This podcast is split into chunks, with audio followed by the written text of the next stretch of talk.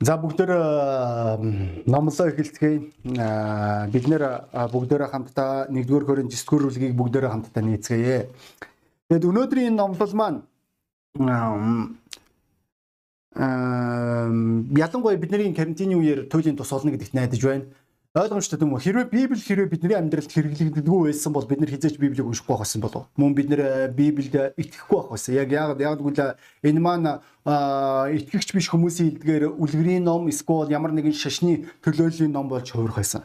Тэгвэл бурхны авралаар нэгдүгээрт бид нэр бурхны үгийг сонсох боломж олдчих. Нэгт хоёрдугаартаа бид нэр бурхны үгийг бид нэр өөрсдийн өдөр тутмын амьдралдаа хэрэглэх боломж олдож байгаа. Хэрвээ энэ хэрэглээ хэрвээ бидний амьдралд байдгүйсэн бол бид нэр итгэлийн амьдралдаа хизээч амжилттай байхгүй байсан.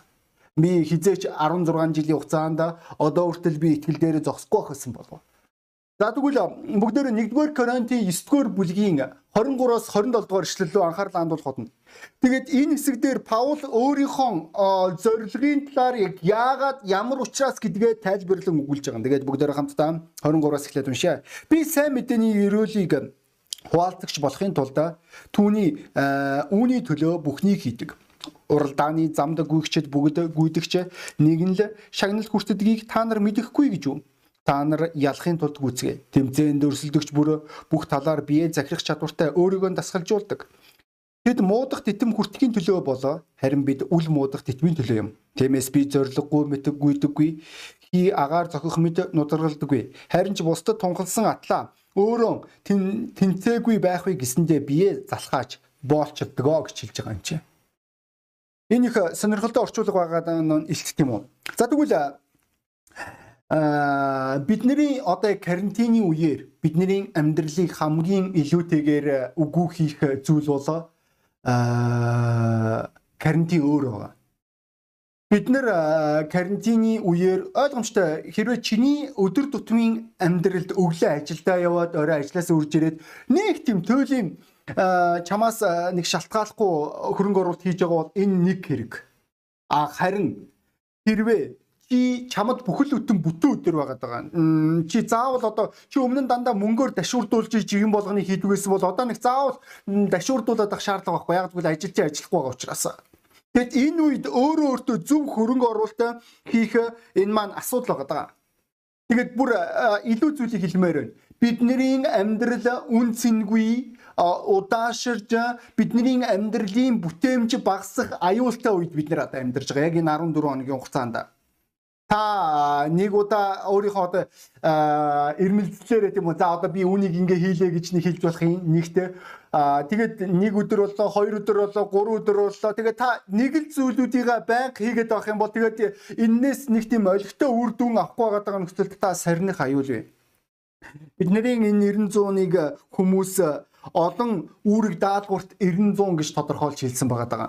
Энэ нь юу гэсэн үг вэ? Хүн болгон янз бүрийн зүйлсүүд рүү сарвааж байгаа. Үнэн дээр ихэд ихэнх зүйлсүүд маань бидний амьдралыг үр дүнтэй болгодог. Яг яагаад яагаад гэвэл бид нэр төвлөрч чаддаг учраас.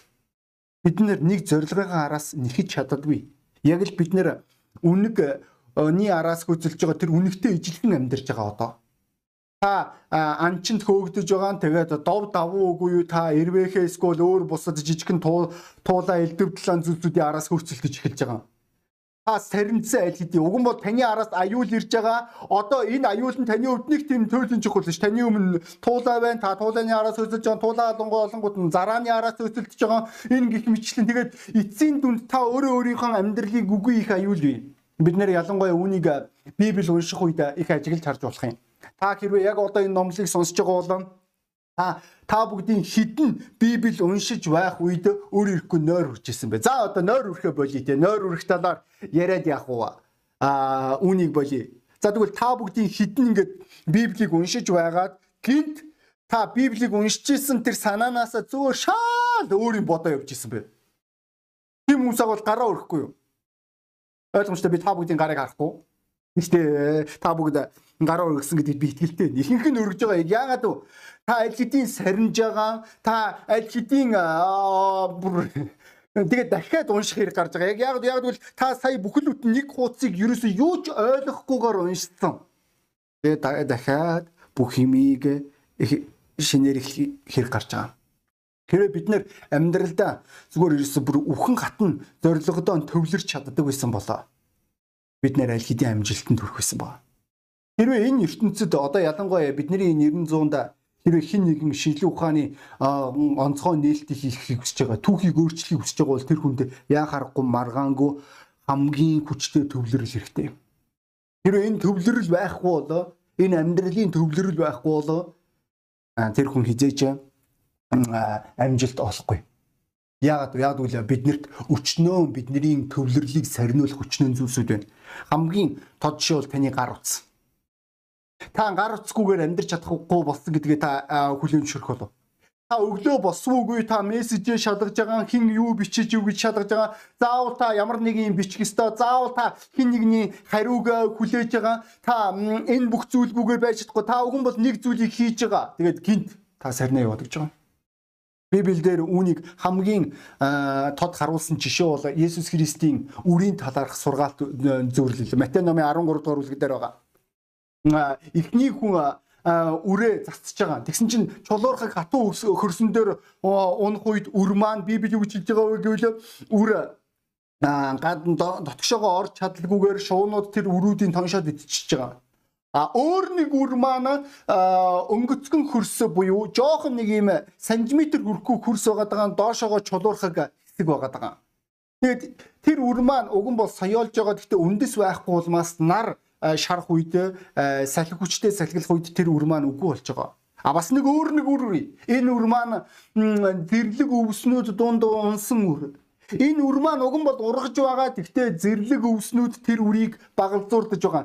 Тэгвэл та бүгдийн хідэн санал нэгтгүй. Энэ гурав дахь үр бидний амьдралын одоо яг химнэлтэй тун адилхан гэдгийг бидний амьдрал уг нь бол бид нэр олон удаа шийдвэр гаргаж байгаа. Бид нэр уг нь бол олон удаа бид нэр алхам хийж байгаа. Гэхдээ төд удалгүй бидний зорилгыг, бидний ирмэлцлийг, бидний хүслийг багалзуурдах янз бүрийн зэрлэг өвсүүд бидний амьдралд гарч ирж байгаа. Та уг нь бол нэг зүйлийг хийж исэн гинт тэгээд та өөрийн зорилгоо алдаад та шал өөр зүйл хийж эхэлж байгаа. Та өөрийн зорилгоо алдсан. Таныг сарниулсан олон зүйл байгаа даа. Энэ шалтгааны улмаас бүр нэг удаа Есүс Христ Марта гэдэг эмэгтэйд хандаад Марта Марта чи их л олон зүйлийн төлөө зовинжин доо гэж хэлж байгаа. Өнөөдөр та итгэлийн амьдрал дээр хэр төвлөрч чаддаг итгэгч байна. Та Библи унших үед та залбирах үед та бурханд хувь тавилангийнхаа араас нэхэн хөөцөлдөх тэр үед та хэр төвлөрч чадаж байна найз минь. Энэ төвлөрөл таны амьдралд бий юу? Ялангуяа бас өөр нэг асуудал маань юу вэ гэвэл амьдралдаа буруу а химжээсийг тавих. Энийг үүнийг ялангуяа би өөрийн шавнараас ирчүүдээс үе үе хардаг зүйлсүүдийн нэг. Тэд нэр үнэндээ өөрт нь үнэнд ямар ч хэрэггүй зүйлийн араас хөцөлдөж эхэлж байгаа. Чамд яг үндээхэд энэ яг юу өгөх юм? Энэ чамд энэ яг чамаг яг яаж ахиулах юм? Яаж чамаг үр дүнд аваачих юм? Тэр хүмүүс хэлж болох юм.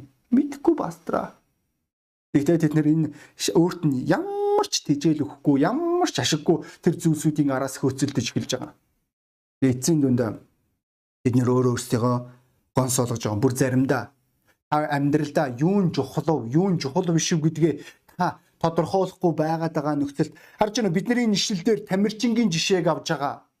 Тамирчин хүн хэрвээ энэ хүн маань ялахын тулд одоо тэмцээнд өрсөлдөгч бүр бүхэл талаараа бие захирах чадварт өөрийгөө дасгалжуулдаг гэж хэлж байгаа.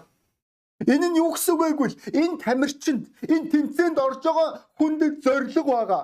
Энэ зорилгынхоо төлөө энэ хүн маань үхэн хатан тэмцэж байгаа яг яагаад яагаад бол хинч ялахыг хүсэн штеп амьдралдаа. Хинч өнөөдөр амьдралдаа үр дүнтэй байхыг хүснэ. Гэхдээ та хэрвээ буруу төвлөрлийг бий болгох үед та буруу зүйлийг өөрийнхөө амьдралын номер 1 болгох тэр мөчөд та өөрийн амьдралдаа өчнөө таныг сарниулах өчнөө зүйлсүүдийг та өөрийн амьдралдаа зөвшөөрөх үед янз бүрийн ажлын асуудал таныг төвлөрлөөс чинь сарниулж байгаа, гар утас чинь төвлөрлөөс чинь сарниулж байгаа. Өөр бусад хүмүүс таныг төвлөрлөөс чинь сарниулж байгаа таныг амьдралын нөхцөл байдал төвлөрлөөс сарниулж байгаа. Таны өөрийн чинь эмоц төвлөрлөөс сарниулж байгаа. Ойлгож байгаа би үрийн талаар сургаалт сүрлэл хийх үед тэнцээ хүний зүрх сэтгэлийн байр суурийг ярьж байгаа. Тэгвэл та өөрийн зүрхэндээ хэрэгтэй хэрэггүй өчнөө хог новш цоглуулсны улмаас эцсийн дүнд та өөрийн төвлөрлөө алдаад та өөрийн зорилгоо алдаад амьдралаа үр дүнгүй өнгөрөх аюулгүй. Энэ үр дүнгүй байдал буюу юу номер 1 байх уу юу номер 1 биш үү гэдэг энэ зүйлийг тодорхойлж чадахгүй улмаас хүмүүс бурхнаас холддог. Үүний хамгийн тод шил бол фарисеучуд Есүс Христ тухай Матай номын 23 дугаар бүлэг дээр тэднийг зэмлсэн. Яг яагаад зэмлсэн бэ? Яагаад гэвэл та нар шал дими зүйлийг өөрийн амьдралын чухал зүйл болгож хувиргадаг. Та нар амьдралдаа үнэндээ л итгэдэг чинь хизээж өсгөхгүй, хизээж бурхандаа ойртуулахгүй зүйлсүүдийн араас төвлөрөөд та амьдралын хамгийн чухал зүйлийг алдаж байгаа. Энэ маань яг юу гэж хэлмэл бүхэл ертөнцийг хүн олж авсан ч гэсэн өөрийн алтан амиа алдууд яг ямар хэрэг байх вэ? Та өөрийн амьдралдаа найдсан хамгийн чухал зүйлийн араас хөөцөлдөж чаддаг уу? Та өөрийн амьдралдаа хамгийн чухал зүйлдээ хөрөнгө оруулалт хийж чаддаггүй найз минь өөрөө өөртөө шудраг байхгүй юу? Энэ карантины энэ 10 хэдэн хоногийн хугацаанд та энэ хугацааг зөв хэрэгтэй ашигтай ашиглаж байгаа юу? Эсвэл аль хэдийн та одоо магадгүй энэ хагас өдрөөс карантин гэсэн тийм үү? Хагас өдөр гэж чинь хагасаа бүтэнсөө энэ 5 өдрийн доо хугацаанд та аль хэдийн төвлөрлөө алдсан уу? Яг юу болсон бай тантай? Та амлсан, та шийдвэр гаргасан. Гэхдээ аль хэдийн та зорилгоо алдж байгаа. Энэ зорилгоо алдсан байдлыг бид нэр Коринтын сүмдэр харж болно. Коринтын сүм их үедээ их мундаг байж байгаа тэд нэр өөрсдийн зорилгоо алдж байгаа. Бид нэр үүнийг Галатийн сүмээс харж байна. Галатийн 5 дугаар бүлгийн 7 дугаар эшлэлдэр Паул тэрээр хэлэхдээ та нар уган бол маш хурдтай сайн гүйжсэн хин та нарыг энэ гүйлтий чинь зогсооход хүргвэ. Хин та нарыг энэ бүх зүйлээ орхиход хүргвэ. Би бүр гайхаад ах юм гэж хэлж байгаа. Энэ бүх зүйлсүүд чинь эцсийн дүндээ та та нарыг зүгээр завгүй болгож ойлгож байна. Бид нэр завгүй завгүй болохын төлөө амьдраагүй шүү аханд үсэ. Бид нэр завгүй болохын төлөө амьдраагүй. Бид нэр үр дүнтэй болохын төлөө амьдарч байгаа. Амьдралынхаа бүхэл хугацааг үр дүнтэй болохын тулд та магадгүй амьдралдаа мөнгө олохын эрмэлздэг байж болох юм. Яг л нөгөө тэр нэг мунхаг баян шиг. Тэгтээ эцсийн дүнд өөрийн амиа алдвал танд ямар хэрэг байгаа юм бэ? Таны хүүхдүүд чинь ямар ч хүмүүжил байхгүй. Таны хүүхдүүд чинь бурхнаас бүрэн холдоод бурхныг жигшээд сүмийг үзэн ядаад таныг үзэн ядаад танаас холдвол таны тэр олсон тэр мөнгө, олсон тэр хашаа, байшин, орон гэр, машин энэ бүх зүйл чинь танд үндэл хэд ямар хэрэгтэй юм? Та эцсийн дүнд өнөөдөр бүх зүйлүүдийн араас хөөцөлдөж хөөцөлж яваад та өөрийн гэр бүлээ алдвал танд яг ямар хэрэг байгаа вэ? Энэ маань гонхтой байгаа амьдралдаа бүх юм алдаж байгаа тэр хүмүүсийг харах үед бид нэр Библиэлд ойлгож байна уу? Таны зориг би дахиад завгүй болох биш. Таны зориг үр дүнтэй байх. Итгэлийн амьдрал дээр. Бурхантай харилцах харилцаан дээр. Итгэлийн амьдралын бүхэл бүсүүд дээр үр дүнтэй байх. Ялангуяа та ирээдүйд илгээхтийг хүсэж байгаа бол та илгээлтийн илгээгдэх үедээ үр дүнтэй байх тэр бүх зүйл рүү өөрийгөө зориулж төвлөрөх хэрэгтэй найз минь. Та өнөөдөр итгэгч хүний хувьд итгэлээ хадгалахын тулд итгэл дээр өсөхийн тулд өөрийн үр хүүхдийнхээ өмнө зөв үлгэр жишээ үзүүлэхийн тулд та төвлөрөх хэрэгтэй найзаа. Хэрвээ тэгэхгүй бол та завгүй завгүй гэсээр байгаа эцсийн дүнд хамгийн чухал зүйлээ алдаж болох юм шүү. Та гэр бүлээ алдаж болно, та үр хүүхдээ алдаж болно, та өөрийн алтай амиа алдаж болно.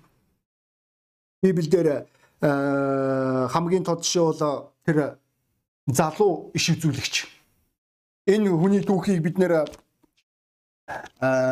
хаадын дээд номон дээр хаадын дээд номон дээр хаадын дээд хаадын дээд 13 дугаар бүлэг дээр би харж байна. 13 дугаар бүлгийн 17 15-аас 17 дугаар эшлэл аа зааж байгаараа би буруу явчих шиг болох юм. Хаадын дид байсан болов. Оо би ч зөв зөв зөв хэлсэн зөв үзээ. Хаадын дээд 10 настай иш үзүүлэгч түүнд хандан надтай 15-аас надтай хамт гэрт очиж далах иднэ үү гэсэнтэй бурхны хүн. Би тантай хамт уцаж чадахгүй явж чадахгүй мөн энэ газар тантай хамт далах чийдэхгүй усч уухгүй. Учир нь эсний үгээр надад чи тэнд далах идэж усууж болохгүй. Ирсэн замаараа бүх буцаараа гэсэн тушаал өгсөн юм а гэвэ гэж хэлж байгаа. Та бүгд хэрвээ энэ түүхийг бүтэн мэдж байгаа бол энэ залуу маань өөрийн төвлөрлөө алдсан Энэ залуу маань өөрийн замаасаа хазаасан байгаа. Тэрээр э, итгэх ёстой хүндээ итгээгүй. тэрээр бурхны хүн гэж хэлэнгүүдний л тэрээр итгэсэн байгаа. Тэгээ эцсийн дүнд тэрээр өөрийн алтан амиа алдсан. Тэрээр өөрийн бурханд хөв тавилангаа үгүй хийсэн. Тэрээр зүгээр л өөрийн дуудагдсан дуудлагынхаа дагуу зорилгынхаа дагуу тэрээр амьдрах ёстой байсан байгаа. Өнөөдөр залуу минь охин минь чи өнөөдөр бурхан дотор дуудагдсан гэж хэлж байгаа. Чамд зорилгоос ч өөр юу ч харагдах ёсгүй даанч харамсалтай чамааг сарниулах хүчнөө зүйл байгаа. Энэ шалтгааны маш чи гэрэлж чадахгүй байгаа. Бид нэр Библиэлд Израильчуудыг харж болно. Израильчууд Египтийн эзэнт гүрэнд ялангуяа тэр тухайн үед Йосефийн үед өсгөлнгийн үеэр тэд нэр хэсэг хугацаанд байх ёстой байсан. Өсгөлнгийн дараа тэд нэр эргээд буцаад өөрийн нутаг руугаа явах ёстой байсан боловч Кананы нутаг руу явах ёстой байсан боловч тэд нэр тгэгээгүй. Тэд нэр зорилгоо алдсан. Тэднийг зорилгоос нь сарниулах өчнөө зүйлсүүд Египтэд бий болсон байгаа. Египтийн зугаа цэнгэл, энэ ертөнцийн багтал, энэ ертөнцийн энэ бүх гоо үзэгсэн тэднийг татаад эцсийн дүнд энэ зүйлсүүд нь тэднийг 430 жил боолчлолтой байцсан. Бид нар Библиэлд бас мөн өөр нэг хүнийг шүүгчд номноос харж болно. Тэр хүн маань уг нь бол явах ёстой байсан чинь тэр хүн маань идэж ууж үлдчихэж байгаа нэг хонжогоон, хоёр хонжогоон, гурван хонжогоон, дөрвөн хонжогоон, долоон хонжогоон эцсийн эцэстэ тэрээр өөрийн чивгчингээ аимшигтай зэрлэгээр алдаж байгаа. Тэрээр өөрийн амьдралаа маш муухагаар дуусгасан гэдгийг та бүгд ойлгож байгаа болоо. Тэгвэл өнөөдөр Бурхны хаанчлалд зоригдоо үнэнч төвлөрсөн ирчүүд л ялбал. Бид нэр энэ төвлөрсөн төвлөрлийг бид нэр Эхлэл номын 24 дугаар бүлэг дээр харж болно. Эхлэл номын 24 дугаар бүлгийн 24 дугаар бүлгийн 24 дугаар бүлэг дээр би би та бүгдэд уншия. Мм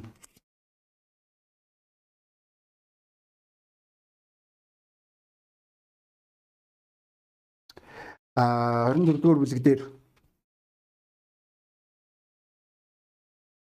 33 дугаар эшлэл дээр Тэгээд э, түүний өмнө хоолунд авчирч тавихад тэр хүн би ажил хэргийнхээ тухай ярихаас нааша хоол идэхгүй гэсэнд лабан ярэр гэвэ гэж хэлж байгаа. Хэрвээ та бүгд энэ түүхийг хэрвээ мэдж байгаа бол Абра Абрамаас Абрахамаас энэ зарцсан тушаалтай явсан. Тэгээд тэрээр хэлж байгаа түүний өмнө хоол авчирч байгаа. Ямар ч ир хүн уган бол хоолноос татлахгүй. Гэхдээ энэ энэ ир хэлж байгаа. Үгүй би зорилгоо биелүүлчихэд дараад нь би энэ бүх хоол унсыг идэ. Чинээс нь би ярих ёстой юм ярмаар байна би яг юуны төлөө яах гэж ирсэнгээ би тодорхойлцоод дараад нь энэ зүйлсүүдийг хиймээр байна. Энэ шалтгааны улмаас бид нэр энэ хүн маань асар их хэмжээгээр төвлөрж байгааг асар их хэмжээгээр зорилгынхон төлөө үнэнч зүтгэж байгааг бид нэр харж болно. Тэрээр 54 дугаар ишлээс эхлээд хэлж байгаа. Тэр болон түүний дагалдагсад идэж уугаад хоноглов. Өглөө босоод тэрээр намайг эзэнт минь буцааж явуулна уу гэхэд Ребекагийн ах ах ээж хоёр охин минь 10-аад хоног бидэнтэй хамт байг. Тэгээ дараа нь тэр явж болно гэв. Тэр хүн тэдэнд хэлэхдээ намайг бүү саатвал эзэн замыг минь амжилттай болгосон учраас намайг явуулаач би эзэндээ очие гэв. Тэгэд бид охиноо дуудаж түүний амнаас лавли гээд Ребекаг дуудаж чи энэ хүнтэй хамт явах уу гэж асуусанд тэрээр би явна гэж хариулнаа хариулжээ гэж хэлж байгаа. Харж байна энэ энэ зарцсан маань өөрийн зорилгодоо үнэнч байгаа даа. Тэрээр яг яах гэж хурж ирсэнгээ мэднэ мөн одоо түүний тэрээр юу хийх ёстойгоо мэднэ. Өнөөдөр итгэгч найз минь хэрэв бид нэр амьдралдаа ерөөсөө зорилгоос өөр юу ч олж харахгүйгээр амьдрахгүй бол бид нэр энэ амьдралд юунд ч хүрэхгүй. Есүс Христ өөрийн зорилгоо мэдэж байсан. Тэрээр зорилгынхон төлөө амьдрдаг хүн байсан байгаа. Тэрээр зорилгын төлөө амьдэрдэг, өдөр болго амьдэрдэг. Энэ шалтгааны улмаас Есүс би сайн мэдээний нэг хэсэгдэр би өөр хотод бас мөн сайн мэдээ түгээх ёстой. Учир нь би эцгийн эцгээс илгээгдсэн зорилго маань энэ гэж хэлж байгаа. Тэгвэл өнөөдөр олон итгэгчнэр маань өөрийн зорилгоо алдчихин Паул тэрээр хэлэхдээ надад зорилго байгаа. Энэ зорилгодоо хүрэхийн тулд би өөрийн махан бие зовоох хэрэг хүртэл гардаг. Би үүнд төвлөрөхийн тулд амжилт олохын тулд Есүс э, өөрийн шавнардаа хэлэхдээ тэд нэрийг сайн мэдээнд явуулах үед гэрчлэх үед гэрчлүүлэх үед тэд нэр энэ зүйлүүдэд үнэнч байсан гэдгийг та бүгд мэднэ. Гэхдээ үнэнч байсан шалтгаан нь Есүсийн тушаалтай холбоотой гэдгийг та бүгд мэдэх үү? Есүс тэднэрт хэлж байгаа. Хинтээч битгий мэндэл. Яг үл Израильчууд мэдлэхийн тулд 7 хоног зарцуулдаг гэсэн учраас энэ нь үнэхээр э, саринтай ойлголт болно. Юу ч битгий авч яв. Мөн хайшаач битгий яв. Зорилгоос өөр юу ч харах хэрэггүй гэсэн үг Тэгвэл өнөөдөр орчин үеийн итгэгч нарыг ямар хуу байдлаар хандж байгаа? Аа пастора би ихнээс нь тийшээгээ явж байгаад ингэнийг хийчээ тэрийг хийчээ дараад нь гэрчлэмз. Аа пастора нэг тэгж байгаад гэрчлэндээ. Үгүй найзаа чи ийм хөгийн хогийн бодолтойгоор ийм үзэл бодол ийм үнлэмжийн хувьд ийм доогуур доошоогоо байж яаж гэрчлэл дээр та амжилт олно гэж бодож байгаа юм бэ? Надаа үнэхээр гайхалтай санагддаг. Гэрчлэх бол гэрчлэх л байх хэвээр. Тэрнээс л гэрчил ямар нэгэн ажил хөөцөлдөөд хажуугаар нь гэрчлэн гэдэг чинь та хобби пастортай ижилхэн штэ. Та хаа нэгтэй газар илгээгдэх гэж байгаа. Гэхдээ таны хувьд пастрийн үйлчил гэдэг бол хобби байх юм бол та ажлынхаа хажуугаар пастор хийх болно. Тэрнээс л хизээш таны пастрийн үйлчил чинь үндсэнд ажилчин байж чадахгүй юм. Бид нэр амьдралдаа шал дими хэрэггүй зүйлсүүдийг хийх юм. Тэгвэл өнөөдөр бид нэр төвлөрхийн тулд яг юу хийх ёстой вэ? Нэгдүгээр оюун бодол зэгцрэх ёстой. Оюун бодол маань нэг л зүйлийг бодох ёстой. Өнөөдөр итгэгч найз нь Бурхны хүсэл яг юу юм чамд? Бурхан чамаас яг юу хүсэж байгаа? Энэ зүйлийг өдөр шөнөгүй бодон тунгаан бодох тэр үед чи Бурхны үгийг өдөр шөнөгүй шөнөгүй тунгаан бодох үед чи илгээлтийн талаар өдөр шөнөгүй тунгаан бодох үед чи маргаангүй үр дүн төрөх болно. Тэгээ бүгдээр хамтдаа Колосе номын эхнээс нь Филиппо номын 4:8-ыг уншия. Энд чи Паул эцэст нь ах トゥ нараа юу нь үнэн, юу нь хүндэтгэлтэй, юу нь зөв, юу нь ариун, юу нь сайхан, юу нь сайшаалтайг мөн альва сайн үйл байвал магтууштай ямар нэгэн юм байгаа бол эдгээрийг тунгаан бодоцгоо гэж хэлж байгаа. Нин тэргүүнд Паул хэлэхдээ та нарын төвлөрөл эхнээс нь оюун бодлын зэгцрэлтэй чи холбоотой холно. Та нар бурхны хүсэл юу болохыг юу хүндэтгэлтэй юу сайн тэр бүх зүйлийг тунгаан бодох хэрэгтэй. Тэрнээс бол өөрийн бодлоо өнөөдөр талаа хэрэгтэй хэрэггүй юмудаар дүүргэх биш. Аа, өстө би юм бодож үлдлээ гэж солиорох юм. Ирчүүд. Бүр ирчүүд гэж солиорж байгаа шүү. Тэгээ уучлаарай ирчүүдээ бид нар хийх юм алга байна уу? Хин нэгний талаар хогийн бодлоо хадгалж яв. Үгүй юуны оронд наа тарих. Тэгээ бурхны үгээр дүүрэг юу нь сайн, юу нь энэ ишлийг чиж юу нь үнэн, юу нь хүндэтгэлтэй, юу нь зөв, юу нь нариун. Энэ бүхт юу нь цаашаатай энэ зүйлсүүдийг бодох хэрэгтэй. Тэрнээс бол илүү дутуу хэрэгтэй хэрэггүй хогийн бодлуудаар өөрийн тархиа дүүргэх хэрэггүй. Мөнгө Колосе номон дээр а 2-ын 3-ын 2 дээр хэлэхдээ би Библи газар дээрхийг бус дээгүрх зүйлсийг ирмэлзэн үүний талаар тунгаан бод гэж хэлж байгаа. Өнөөдөр чиний оюун бодол чи ертөнцийн зүйлсүүд биш. ертөнцийн элдв долоон чамайг сарниулж болох тэр зүйлсүүд биш. Харин чи бурхны зүйлсүүдийг тунгаан бодох хэрэгтэй. Энэ шатгааны улмаас Ромын загтал дээр Паул тэрээр хэлэхдээ би та бүдэд уншиж өгье. Энэ үеийн явдалд нийцүүлэлгүй харин оюун санаагаа шинчлэн өөрчлөгдөө Тэгвэл бурхны сайн тааламжид төгс төгөлдөр хүсэл юу болохыг таних болно гэж хэлж байгаа. Та өөрийн оюун бодлоо энэ бүх зүйл рүү төвлөрүүлж, энэ бүх зүйл рүү та өөрийн оюун бодлоо зориулж байгаа. Үүний дараа л итгэгч найз минь та амьдралдаа үр дүн төрөх болно. Энэ шалтгаанаар Паул хэлж байгаа. Би зорилгоос өөр юу ч харддаггүй би зоригдоо хүрэхийн тулд өөрийн оюун бодлоо төвлөрүүлдэг. Үүнийг би өдөр шүнгүү боддог. Тэгээд би энэ жишээг би Голбастераас авсан Мендлевийн талаарх жишээ. Бид нэр үлэг систем Мендлевийг Мендлевийг үлэг системээр нь мэднэ. Үлэг системийг эмх зэгцтэй болгосноор мэднэ. Тэгвэл тэрээр өөрийн одоо яг хэлж байгаагаар түүний одоо яг үлдээсэн тэр мэдээллээр нэг иймэрхүү мэдээлэл байгаа юм.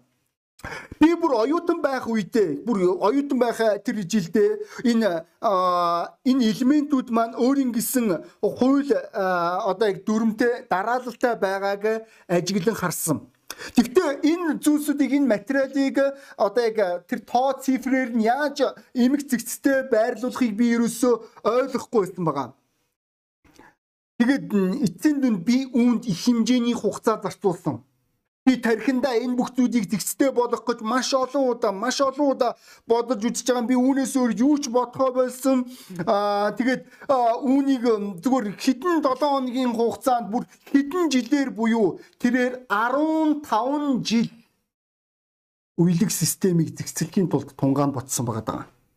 Би бүр унтаж чаддаггүй байлаа. Бүр унтах юм бол би тэрийг зүүдэлдэг байсан. Тэгээ эцсийн дүнд нэг өглөө шүн шинжэнгөө унтахгүй байжгаад унтаад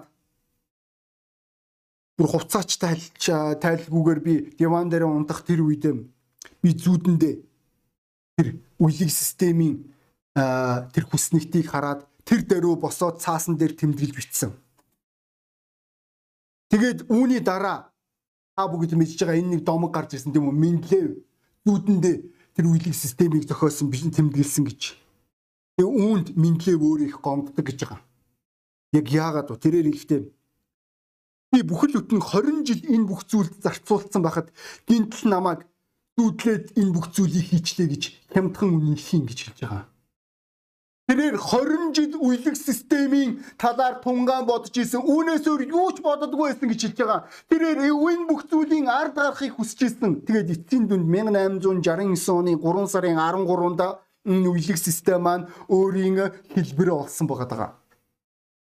Тэгвэл өнөөдөр итгэгч найз минь өөрийгөө битгий хуур. Бид нэр амжилтанд хүрж байгаа бүх хүмүүсийг харах юм бол Тэр хүмүүс маань төвлөрж исэн хүмүүс.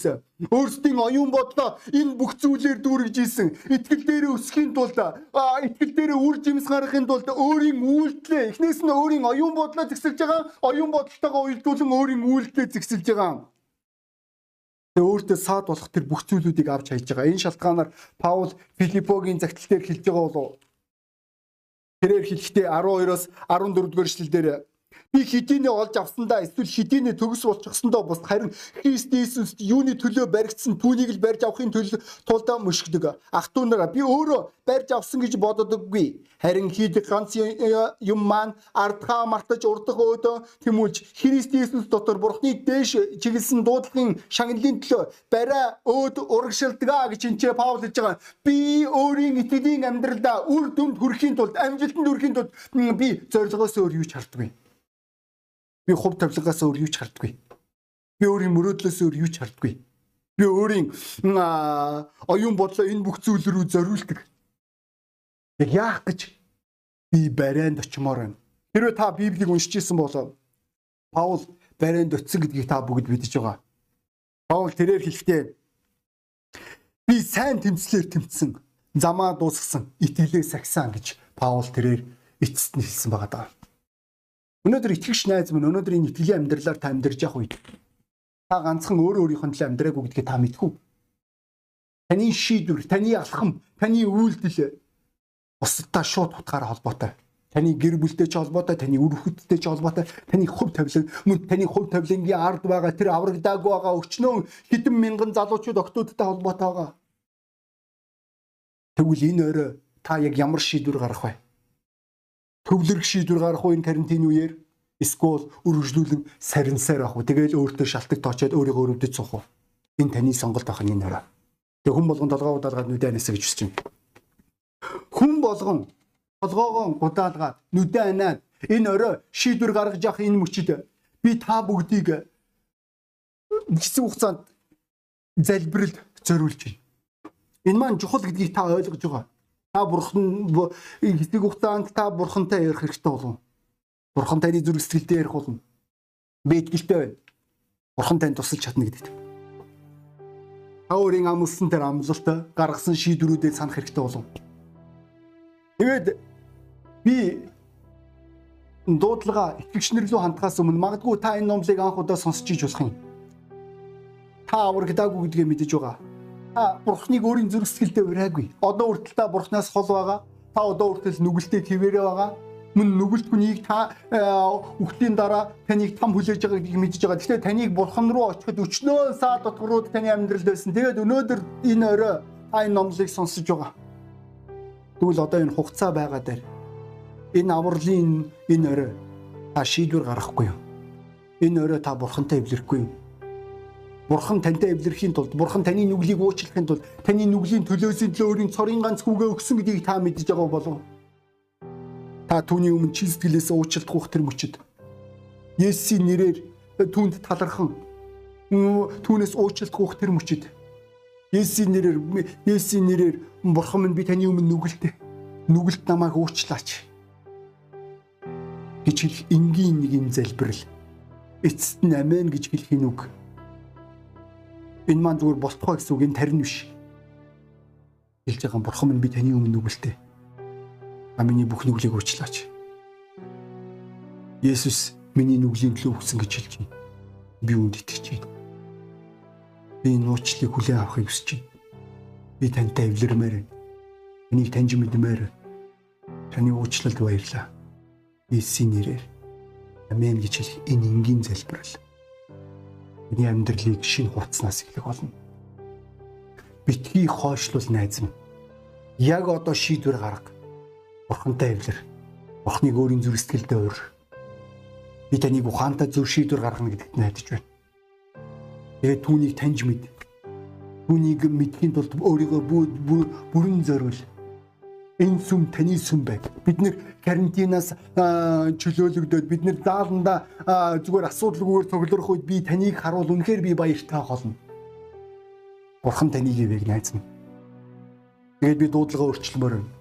Ахан дүүсээ итгэгч найз нараа бид нарыг зорилгоосоо хазаалгадаг төвлөр төвлөрлөөс минь хазаалгадаг өчнөөн зүйлсүүд энэ ертөнцид байгаа. Үүнээс олж бид нэр авралаа алдаж болно, бид нэр бурхантай харьц харилцаагаа алдаж болно, бид нэр өөрийн үр хөвгтөө алдаж болно, бид нэр өөрийн гэр бүлээ алдаж болно, бид нэр бурханд хөв тавилангаа алдаж болно. Тэгвэл үүнийг диаволд бүү зөвшөөр найзаа. Энэ өрөө хатуу шийдвэр гарга. Дэлбэрэл дээр шудраг бай. Өнөөдөр бурхны өмнө амал дахин өөрийн харилцаагаа сэргээд үнтэй харилцаа харилцаагаа. Тэгээд би таныг шийдвэр гаргасан гэдэгт найдаж байна бүгдөө номлын төгсгөлд дэлбэрлэр дуусгацгаая. Тэнгэрлэг эзэм өнөөдрийн номлын төлөө танд талархаж ийн эцэг минь. Таны үгэн дотор өсөх боломжийг олгож байгаа танд баярлалаа. Эзэн хаан минь. Үргэлжлүүлэн өөрийн хаанчлаа. Үргэлжлүүлэн хүмүүсийг авраач эзэн. Бид нэр өөрсдийн амьдралдаа төвлөрөлтөй амьдрахад бид нэр тусаач. Есүс Христийн цаар. Аамен. А бүгдэд баярлалаа. Удахгүй зөөмөр холбогдсон. Хандасаа.